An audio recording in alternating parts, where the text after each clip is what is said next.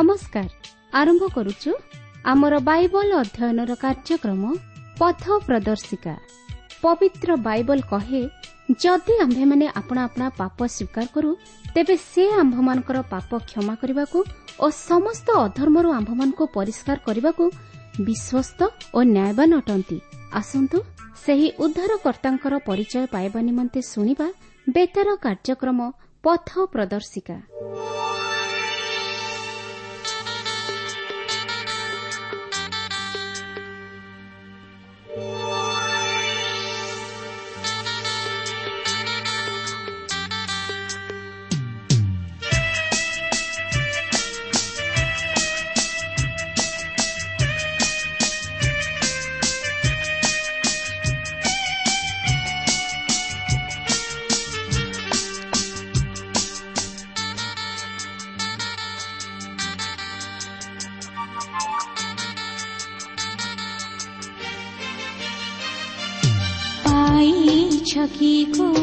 ତୁମେ ଜୀବନରେ ପରିତ୍ରାଣ କରିଛ କି ଅନୁଭବ ମନେ ଶାନ୍ତି ଚିରନ୍ତନ ପାଇଛ କି କୁହ ତୁମେ ଜୀବନରେ ପରିତ୍ରାଣ হব। মনে শান্তি চিরন্তনা।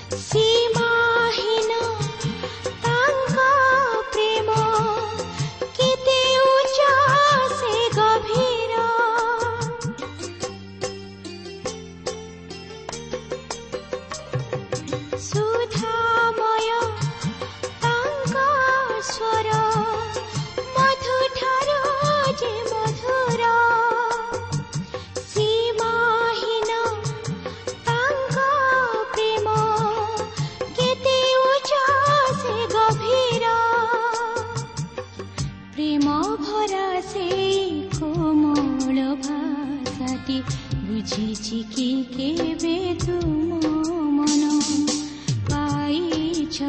ଚିରନ୍ତନ ଜୀବନରେ ପରିତ୍ରାଣ କରିଛ କି ଅନୁଭବ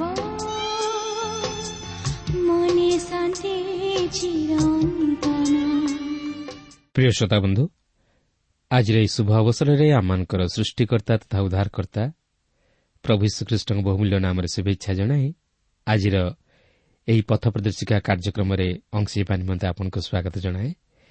ଆପଣଙ୍କର ସହଯୋଗ ତଥା ମତାମତ ନିମନ୍ତେ ବିଶେଷ ଧନ୍ୟବାଦ। ଆପଣ ଏହି କାର୍ଯ୍ୟକ୍ରମର ଜଣେ ନିୟମିତ ଶ୍ରୋତା ଜାଣେ ବିଶେଷ ଖୁସି। ପ୍ରଭୁ ଆପଣଙ୍କୁ ଆଶୀର୍ବାଦ କରନ୍ତୁ। ଆହୁରି ଆହୁରି ଆତ୍ମିକ ଜୀବନ ବର୍ଦ୍ଧିଷ୍ଣୁ କରାନ୍ତୁ। ଆପଣଙ୍କର ପ୍ରାର୍ଥନାର ଅନୁରୋଧ ରକ୍ଷା କରି ଆମେ ମଧ୍ୟ ଆପଣଙ୍କ ନିମନ୍ତେ ପ୍ରାର୍ଥନା କରୁଅଛୁ। ଆଉ ସେ ପ୍ରଭୁ ଈଶ୍ୱର ନିଶ୍ଚିତ ଭାବରେ ଆପଣଙ୍କୁ ଉଦ୍ଧାର କରିବେ। ଆଉ ସେ ଆପଣଙ୍କର ପ୍ରାର୍ଥନା ଶୁଣି ଉତ୍ତର ପ୍ରଦାନ କରିବେ। ଆସନ୍ତୁ ପ୍ରଭୁଙ୍କର ବାକ୍ୟ ମଧ୍ୟକୁ ଯିବା ପୂର୍ବରୁ ସଂକ୍ଷେପରେ ପ୍ରାର୍ଥନା କରିବା।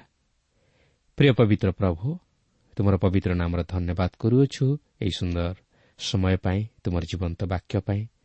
ହଁ ପ୍ରଭୁ ଜଗତର ସମସ୍ତ ବ୍ୟସ୍ତତା ମଧ୍ୟରୁ ତୁମେ ଆମମାନଙ୍କୁ କଢ଼ାଇ ଆଣିଅଛ। କିଛି ସମୟ ଧରି ତୁମର ବାକ୍ୟ ମଧ୍ୟ ଦେଇ ତୁମର ସ୍ୱର ଶୁଣିବା ପାଇଁ। କିନ୍ତୁ ପ୍ରଭୁ ତୁମେ ଆମମାନଙ୍କୁ ସେହି ସରଳ ହୃଦୟ ଦିଅ।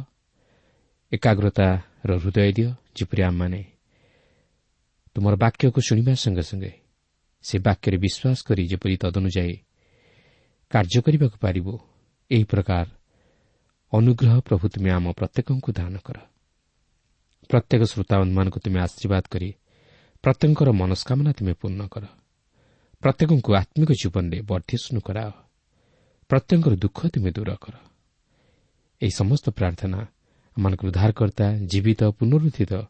ପ୍ରିୟ ପ୍ରଭୁ ଯୀଶୁଙ୍କ ନାମରେ ଏହି ଅଳ୍ପ ଭିକ୍ଷା ମାଗୁଅଛୁ।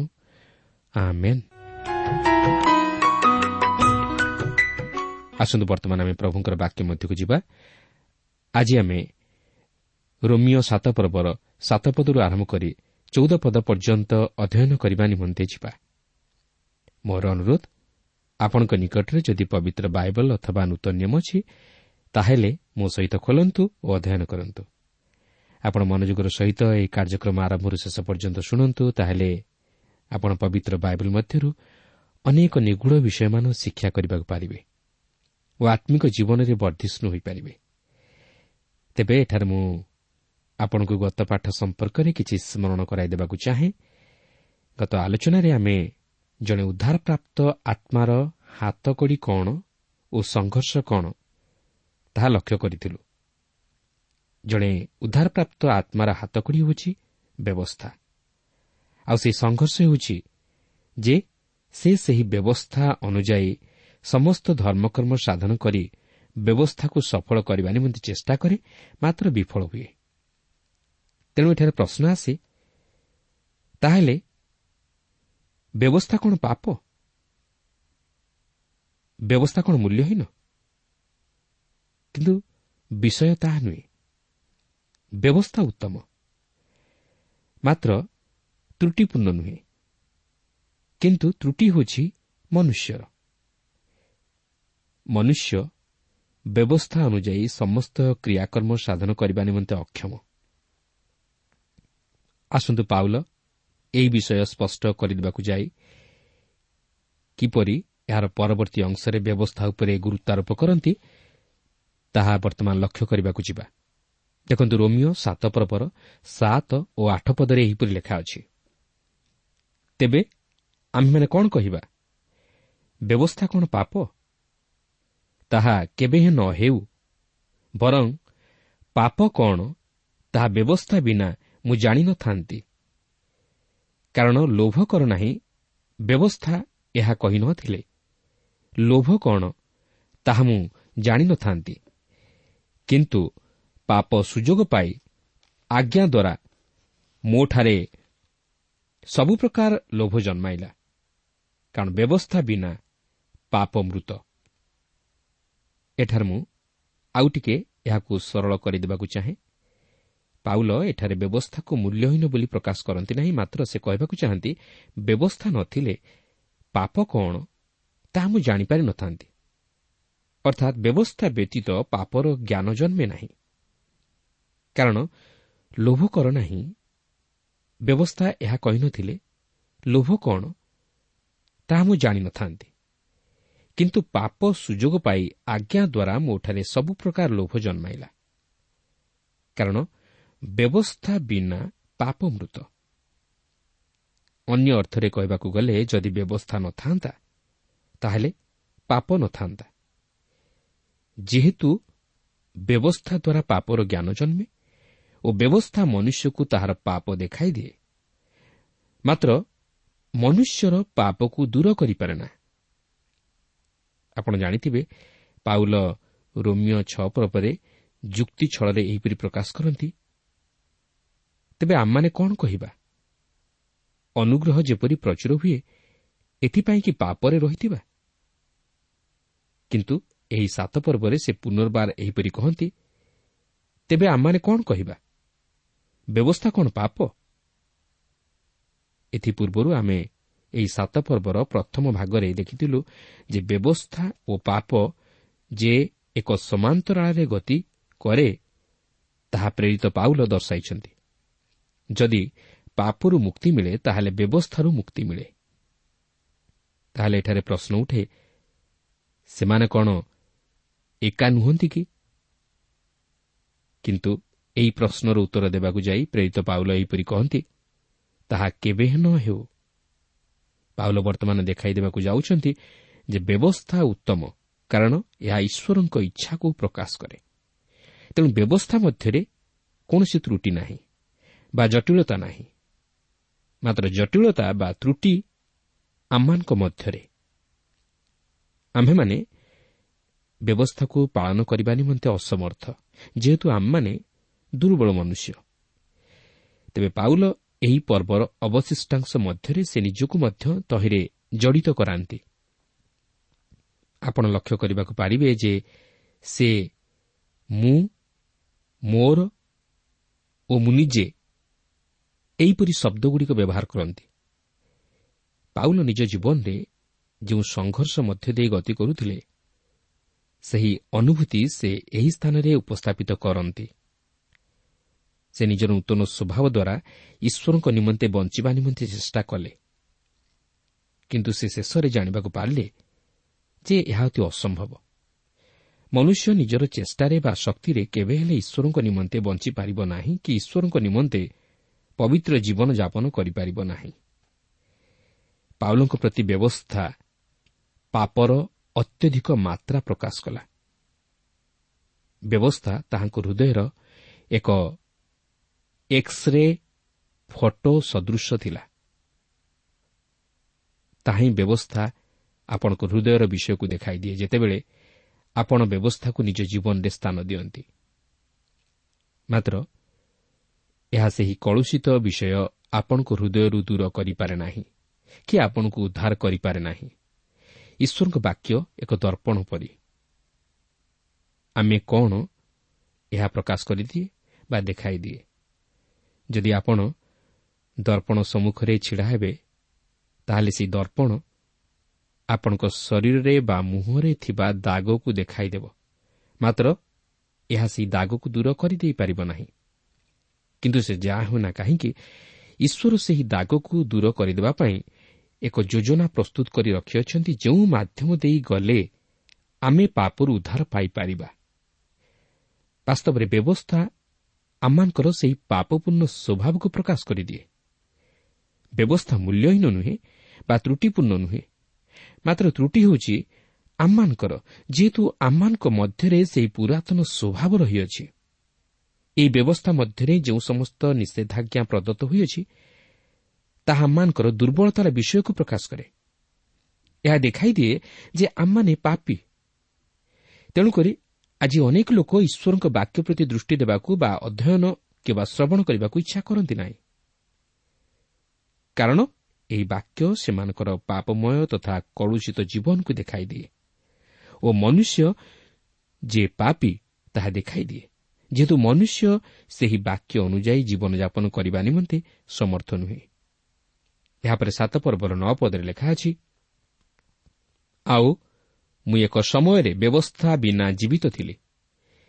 କିନ୍ତୁ ଆଜ୍ଞା ଆସନ୍ତେ ପାପ ଜୀବିତ ହେଲା ପୁଣି ମୁଁ ମୃତ ହେଲି। ଅନ୍ୟ ଅର୍ଥରେ କହିବାକୁ ଗଲେ ବ୍ୟବସ୍ଥା ମନୁଷ୍ୟକୁ ବଞ୍ଚାଇପାରେ ନାହିଁ ବା ଉଦ୍ଧାର କରିପାରେ ନାହିଁ। ଏହା କେବଳ ମନୁଷ୍ୟକୁ ଦୋଷାରୋପ କରେ ଓ ମନୁଷ୍ୟକୁ ପାପିରେ ପରିଗଣିତ କରାଏ। ତେଣୁ ଜଣେ କେବେ ହେଲେ ବ୍ୟବସ୍ଥା ଅନୁଯାୟୀ ଧର୍ମକର୍ମ ସାଧନ କରି ଈଶ୍ୱରଙ୍କର ପବିତ୍ରତା ରକ୍ଷା କରିପାରିବ ନାହିଁ। କି ଏକ ବାସ୍ତବ ଖ୍ରୀଷ୍ଟୀୟ ଜୀବନଯାପନ କରିପାରିବ ନାହିଁ। ଏହାପରେ ସାତ ପର୍ବର ଦଶ ପଦରେ ଲେଖା ଅଛି ସେଥିରେ ଜୀବନଦାୟକ ଯେଉଁ ଆଜ୍ଞା ତାହା ମୋ ପକ୍ଷରେ ମୃତ୍ୟୁଦାୟକ ବୋଲି ଜଣାଗଲା। ବାସ୍ତବରେ ଯେଉଁ ବ୍ୟକ୍ତି ବ୍ୟବସ୍ଥା ଦ୍ୱାରା ବଞ୍ଚିବାକୁ ଚେଷ୍ଟା କରେ ସେ କେବେ ହେଲେ ଈଶ୍ୱରଙ୍କ ନିମନ୍ତେ ବଞ୍ଚିପାରିବ ନାହିଁ। କାରଣ ସେହି ଜୀବନଦାୟକ ବାକ୍ୟ ତାହାକୁ ମୃତ ଶକ୍ତିରେ ପରିଗଣିତ କରାଇବ। ସେ ସେହି ବାକ୍ୟ ଦ୍ୱାରା ନିଜର ଦୁର୍ବଳତାକୁ ଦେଖି ନିଜକୁ ଅଯୋଗ୍ୟ ତଥା ଅପବିତ୍ର ବୋଲି ବିଚାର କରିବ। ହଁ ଈଶ୍ୱର ଯେତେବେଳେ କହନ୍ତି ତୁମେମାନେ ଏହା କର ତାହେଲେ ବଞ୍ଚିବ ସେତେବେଳେ ସେ ଏପରି କହିବା ଦ୍ୱାରା କିଛି ଭୁଲ କରନ୍ତି ନାହିଁ। ମାତ୍ର ଭୁଲ ହେଉଛି ମନୁଷ୍ୟର ହୃଦୟ। ମନୁଷ୍ୟର ସେହି ପୁରାତନ ସ୍ୱଭାବ ଯାହା ମନୁଷ୍ୟକୁ ବ୍ୟବସ୍ଥା ଅନୁଯାୟୀ ଧର୍ମକର୍ମ ସାଧନ କରିବା ନିମନ୍ତେ ଅନୁମତି ଦିଏ ନାହିଁ। ସେହି ବ୍ୟବସ୍ଥାରେ କୌଣସି ଭୁଲ ନାହିଁ। ମାତ୍ର ଭୁଲ ହେଉଛି ସେହି ବ୍ୟକ୍ତିର ଯେ କି ଭାବେ ଯେ ବ୍ୟବସ୍ଥା ତାହାକୁ ରକ୍ଷା କରିବ ଓ ଶକ୍ତି ତଥା ସାମର୍ଥ୍ୟତା ପ୍ରଦାନ କରିବ। କିନ୍ତୁ ଏହା ମନୁଷ୍ୟକୁ ବଞ୍ଚାଇ ପାରେ ନାହିଁ କି ଶକ୍ତି ଦେଇପାରେ ନାହିଁ।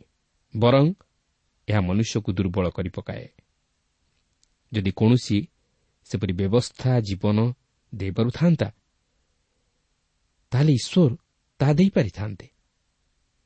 ସେଥିପାଇଁ ଗାଲାତୀୟ ତିନି ପର୍ବରେ ଏକୋଇଶ ପଦରେ ଲେଖା ଅଛି ତେବେ ବ୍ୟବସ୍ଥା କି ଈଶ୍ୱରଙ୍କ ପ୍ରତିଜ୍ଞା ସମୂହର ବିରୁଦ୍ଧ?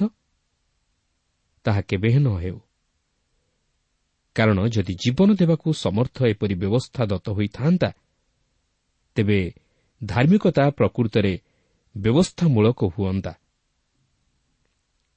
ତେଣୁ ଏକ ବାସ୍ତବ ଖ୍ରୀଷ୍ଟୀୟ ଜୀବନ ବ୍ୟବସ୍ଥା ଦ୍ୱାରା ସାଧିତ ହୋଇପାରେ ନାହିଁ। ଉଦାହରଣ ସ୍ୱରୂପ ଦେଖନ୍ତୁ କାର୍ଟିଏ ଅତି ଦରକାରୀ ଯାନ। ମାତ୍ର ଯଦି ଏହା ଉପଯୁକ୍ତ ତଥା ଦକ୍ଷ ଚାଳକଙ୍କ ହସ୍ତରେ ପରିଚାଳିତ ନ ହୁଏ ତାହେଲେ ଏହା ସେହି ବ୍ୟକ୍ତି ବା ସେହି କାର୍ ମଧ୍ୟରେ ବସିଥିବା ମନୁଷ୍ୟ ପ୍ରତି ବିଶେଷ କ୍ଷତିଜନକ ଓ ବିପଦଜନକ। ହୋଇପାରେ ତାହା ନିମନ୍ତେ ଏହା ମୃତ୍ୟୁ ଘଟାଇପାରେ। କିନ୍ତୁ ଭୁଲ ସେହି କାର୍ର ନୁହେଁ ମାତ୍ର ସେହି କାର୍ ଚାଳକର। ଯେହେତୁ ସେ ଦକ୍ଷ ଚାଳକ ନ ହୋଇଥିଲେ ସେହି କାର୍କୁ ଠିକ୍ ଭାବେ ପରିଚାଳିତ କରିପାରିବ ନାହିଁ। ଯଦ୍ୱାରା ସେ ମୃତ୍ୟୁର ସମ୍ମୁଖୀନ ହୋଇପାରନ୍ତି। ଏହାପରେ ସାତ ପର୍ବର ଏଗାର ପଦରେ ଏହିପରି ଲେଖା ଅଛି କାରଣ ପାପ ସୁଯୋଗ ପାଇ ଆଜ୍ଞା ଦ୍ୱାରା ମୋତେ ପ୍ରତାରଣା କଲା ପୁଣି ତାହାଦ୍ୱାରା ମୋତେ ବଦ୍ଧ କଲା। ଦେଖନ୍ତୁ ଏଠାରେ ପାପକୁ ଏକ ବ୍ୟକ୍ତିବିଶେଷ ରୂପେ ଉପସ୍ଥାପିତ କରାଯାଇଅଛି ଓ ଏହାକୁ ପରୀକ୍ଷକ ଭାବେ ପ୍ରକାଶ କରାଯାଇଅଛି ବାସ୍ତବରେ ପାପ ସେହି ଏଦନ ଉଦ୍ୟାନର ବାହାରେ ଥିବା ପ୍ରତ୍ୟେକ ମନୁଷ୍ୟକୁ ଈଶ୍ୱର ଓ ତାହାର ନିଜ ବିଷୟ ନେଇ ତାହାକୁ ପରୀକ୍ଷା କରେ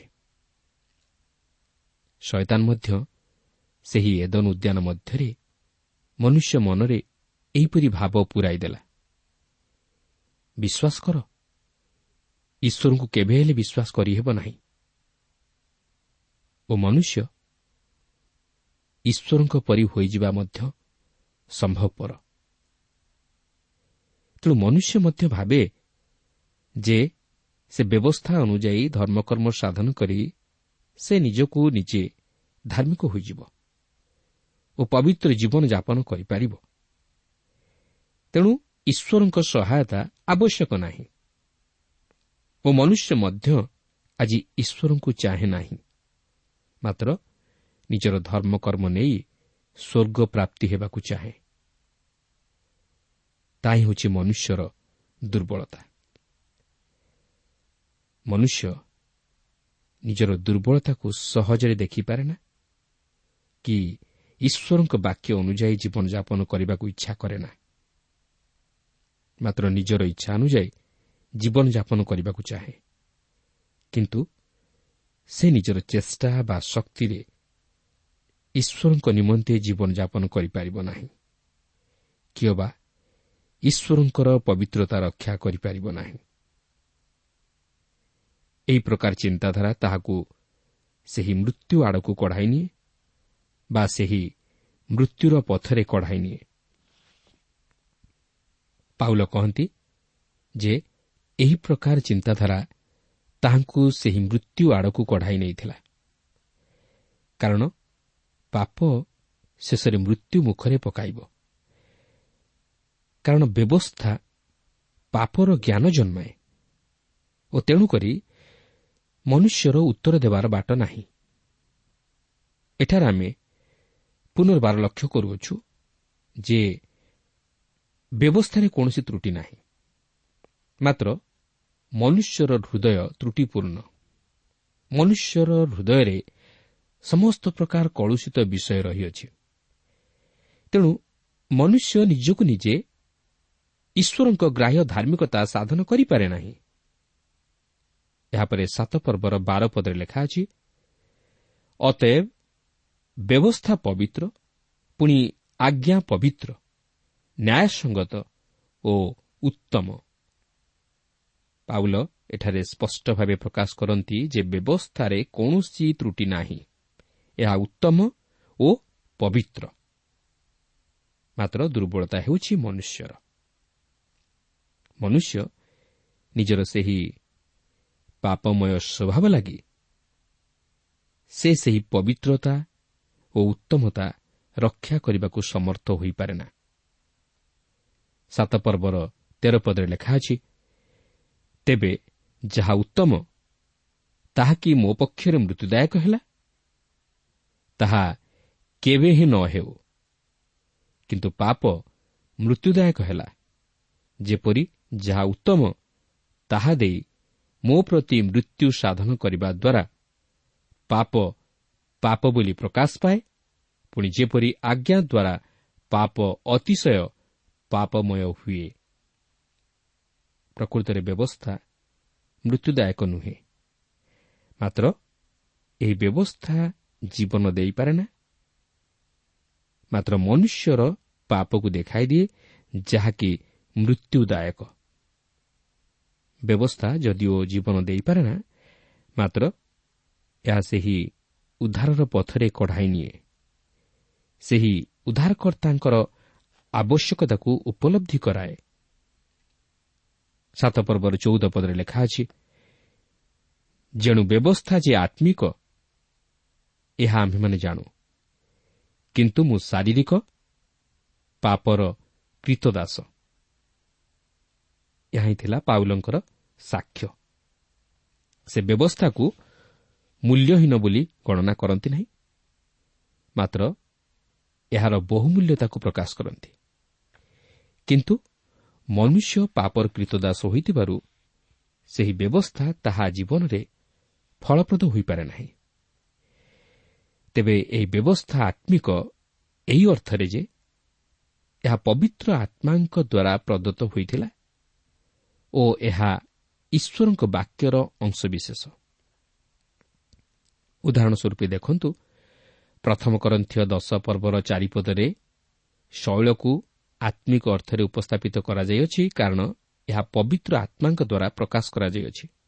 ଦେଖନ୍ତୁ ସେଠାରେ ଏହିପରି ଲେଖା ଅଛି ସମସ୍ତେ ଏକ ପାରମାର୍ଥିକ ଖାଦ୍ୟ ଭୋଜନ କଲେ ଓ ସମସ୍ତେ ଏକ ପାରମାର୍ଥିକ ପେୟ ପାନ କଲେ।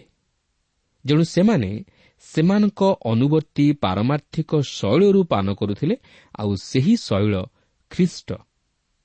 ତେଣୁ ଏହି ଅର୍ଥରେ ଇସ୍ରାଏଲ୍ ସନ୍ତାନଗଣ ସେହି ପ୍ରାନ୍ତରରେ ଆତ୍ମିକ ଆହାର ଭୋଜନ କରିଥିଲେ ଓ ଆତ୍ମିକ ପେୟ ପାନ କରିଥିଲେ ଆଉ ତାହା ଈଶ୍ୱରଙ୍କ ଆତ୍ମା ପ୍ରଦାନ କରିଥିଲେ। ଏଠାରେ ପାଉଲ କହନ୍ତି ମୁଁ ଶାରୀରିକ। ଏହାର ଅର୍ଥ ନୁହେଁ ଯେ ସେ ନିଜର ସେହି ଅସ୍ଥି ଓ ମାଂସମୟ ଶରୀରକୁ ଉପସ୍ଥାପିତ କରନ୍ତି ମାତ୍ର ସେ ଶାରୀରିକ ଦୁର୍ବଳତାକୁ ପ୍ରକାଶ କରନ୍ତି। ଯେଉଁ ଦୁର୍ବଳତା କି ଈଶ୍ୱରଙ୍କର ଇଚ୍ଛା ତଥା ଅଭିମତକୁ ସଫଳ କରିବାରେ ବିଫଳ ହୁଏ। ଏହା ସେହି ଆମ୍ଭମାନଙ୍କର ପୁରାତନ ସ୍ୱଭାବ ଯାହାକି ଆମମାନଙ୍କର ଶରୀର ମଧ୍ୟ ଦେଇ କାର୍ଯ୍ୟ ସାଧନ କରେ ଓ ମନୁଷ୍ୟକୁ ପାପରେ ପତିତ କରାଏ। ତେଣୁକରି ମନୁଷ୍ୟ ଈଶ୍ୱରଙ୍କ ନିମନ୍ତେ ଜୀବନଯାପନ କରିପାରେ ନା ବା ବଞ୍ଚିପାରେ ନାହିଁ ମନୁଷ୍ୟର ଅନ୍ତଃକରଣ ଅପ୍ରୀତି କାର୍ଯ୍ୟରେ ଜଡ଼ିତ। ତେଣୁ ସେ ସମସ୍ତ ପ୍ରକାର ମନ୍ଦ କର୍ମ ସିଦ୍ଧ କରେ ଓ ଏହି କାର୍ଯ୍ୟ ସାଧନ କରିବାରେ ତାହାର ଶରୀର ମଧ୍ୟ ସହାୟତା କରେ। ତେଣୁକରି ପ୍ରିୟ ବନ୍ଧୁ ଈଶ୍ୱରଙ୍କ ବିଧିବିଧାନରେ କୌଣସି ତ୍ରୁଟି ନାହିଁ। ବ୍ୟବସ୍ଥା ଉତ୍ତମ ତଥା ପବିତ୍ର। ମାତ୍ର ମନୁଷ୍ୟ ହେଉଛନ୍ତି ଅପବିତ୍ର ତଥା ଦୁର୍ବଳ। ମନୁଷ୍ୟର ଅନ୍ତଃକରଣ ସମସ୍ତ ପ୍ରକାର କଳୁଷିତ ବିଷୟରେ ପରିପୂର୍ଣ୍ଣ। ତାହା ମଧ୍ୟରେ ସେହି ପୁରାତନ ସ୍ୱଭାବ ଶରୀର ଓ ମନ ମଧ୍ୟ ଦେଇ କାର୍ଯ୍ୟ ସାଧନ କରେ ଯେହେତୁ ଶରୀର ହେଉଛି ଦୁର୍ବଳ। ଏହି ଶରୀର ଭୁଲ କାର୍ଯ୍ୟରେ ବ୍ୟବହୃତ ହୋଇପାରେ। ମନ୍ଦ କାର୍ଯ୍ୟରେ ମଧ୍ୟ ବ୍ୟବହୃତ ହୋଇପାରେ। କିନ୍ତୁ ମନୁଷ୍ୟର ହୃଦୟରେ ସେହି ପୁରାତନ ସ୍ୱଭାବ ଅଧିକ ମାତ୍ରାରେ କାର୍ଯ୍ୟ ସାଧନ କରୁଥିବାରୁ ଶରୀର ମଧ୍ୟ ତାହାଦ୍ୱାରା ପ୍ରଭାବିତ ହୁଏ ଓ ମନୁଷ୍ୟ ପାପରେ ପତିତ ହୁଏ। ପାଉଲ ତାହାଙ୍କ ନିଜ ଜୀବନରେ ମଧ୍ୟ ସେହି ସଂଘର୍ଷର ଅନୁଭୂତି ମଧ୍ୟ ଦେଇ ଗତି କରିଥିଲେ। ମାତ୍ର ସେ ବ୍ୟବସ୍ଥା ପାଳନ କରିବା ଦ୍ୱାରା ନୁହେଁ କିନ୍ତୁ ଖ୍ରୀଷ୍ଟଙ୍କଠାରେ ସଂଯୁକ୍ତ ହୋଇ ତାହାଙ୍କ ଶକ୍ତି ଦ୍ୱାରା ତହି ଉପରେ ବିଜୟୀ ହୋଇଥିଲେ। କିନ୍ତୁ ସେହି ବ୍ୟବସ୍ଥା ତାହାଙ୍କୁ ସେହି ପାପରୁ ଉଦ୍ଧାର କରିପାରିନଥିଲା। ତେଣୁ ଆସୁ ଖ୍ରୀଷ୍ଟଙ୍କଠାରେ ବିଶ୍ୱାସ କରି ଓ ତାହାଙ୍କୁ ନିଜ ହୃଦୟରେ ଉଦ୍ଧାରକର୍ତ୍ତା ରୂପେ ଗ୍ରହଣ କରି ତାହା ସହ ସଂଯୁକ୍ତ ହୋଇ ଈଶ୍ୱରଙ୍କ ନିମନ୍ତେ ବଞ୍ଚୁ ଓ ଏକ ନୂଆ ମନ ନେଇ ବାସ୍ତବ ଖ୍ରୀଷ୍ଟୀୟ ଜୀବନଯାପନ କରୁ। ତାହେଲେ ଆମେ ଈଶ୍ୱରଙ୍କର ମତ ଅଭିମତକୁ ସଫଳ କରିପାରିବା। ଈଶ୍ୱରଙ୍କର ସନ୍ତୋଷବାଦନ ହୋଇପାରିବା। ଓ ଈଶ୍ୱରଙ୍କ ନିମନ୍ତେ ଆମମାନେ ଜୀବନଯାପନ କରିବା ପାଇଁ ସମର୍ଥ ହୋଇପାରିବା। ତେଣୁ ପ୍ରିୟ ବନ୍ଧୁ ସୁଯୋଗ ଓ ସମୟ ଥାଉଁ ଥାଉଁ ଆମମାନେ ପ୍ରଭୁଙ୍କ ନିମନ୍ତେ ଜୀବନଯାପନ କରିବା ପାଇଁ ଚେଷ୍ଟା କରୁ। ପ୍ରଭୁ ପ୍ରତ୍ୟେକଙ୍କୁ ସାହାଯ୍ୟ କରନ୍ତୁ ଯେପରି ଆମେ ପ୍ରଭୁ ଯୀଶୁଙ୍କଠାରେ ବିଶ୍ୱାସ କରି ତାଙ୍କର ବାକ୍ୟରେ ବିଶ୍ୱାସ କରି ତାହାଙ୍କର ନିକଟବର୍ତ୍ତୀ ହେଉ ଓ ତାହାଙ୍କର ସନ୍ତୋଷଜନକ କାର୍ଯ୍ୟ କରୁ ଓ ଜୀବନଯାପନ କରୁ ତାହେଲେ ସେ ଆମମାନଙ୍କୁ ସେ ଅନନ୍ତ ଜୀବନର ଅଧିକାରୀ କରାଇବେ। ପ୍ରଭୁ ପ୍ରତ୍ୟେକଙ୍କୁ ଆଶୀର୍ବାଦ କରନ୍ତୁ।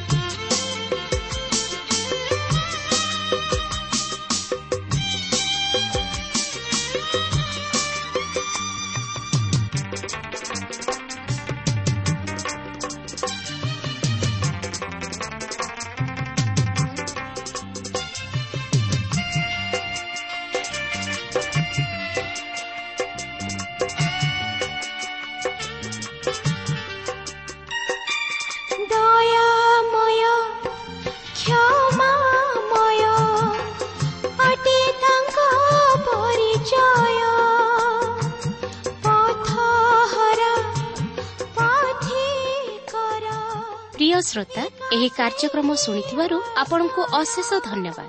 ଏହି କାର୍ଯ୍ୟକ୍ରମ ଆପଣଙ୍କୁ କିପରି ଲାଗିଲା ଓ କେଉଁ ବିଷୟଟି ଆପଣଙ୍କ ହୃଦୟକୁ ଅଧିକ ସ୍ପର୍ଶ କରିଛି ତାହା ଲେଖି ଜଣାଇଲେ ଆମେ ବିଶେଷ ଉପକୃତ ହେବୁ।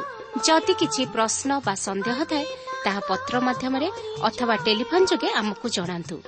ଆମର ଠିକଣା ପଥ ପ୍ରଦର୍ଶିକା trans world radio India post box number তিন তিন ভুবনেশ্বর সাত পাঁচ এক শূন্য শূন্য এক। Mobile number nine seven double seven double two one four one five. ঠিকଣାটি আউথরে শুণন্তু পথ প্রদর্শিকা trans world radio India post box number three three Bhubaneswar seven five one zero zero one mobile number nine seven double seven double two one four one five. ଆମର email ଆଡ୍ରେସଟି ଲେଖି ରଖନ୍ତୁ Odia TTV at radio eight eight two dot com ତେବେ ଆଜି ପାଇଁ ଏଇଠାରେ ରଖୁଛୁ। ନମସ୍କାର।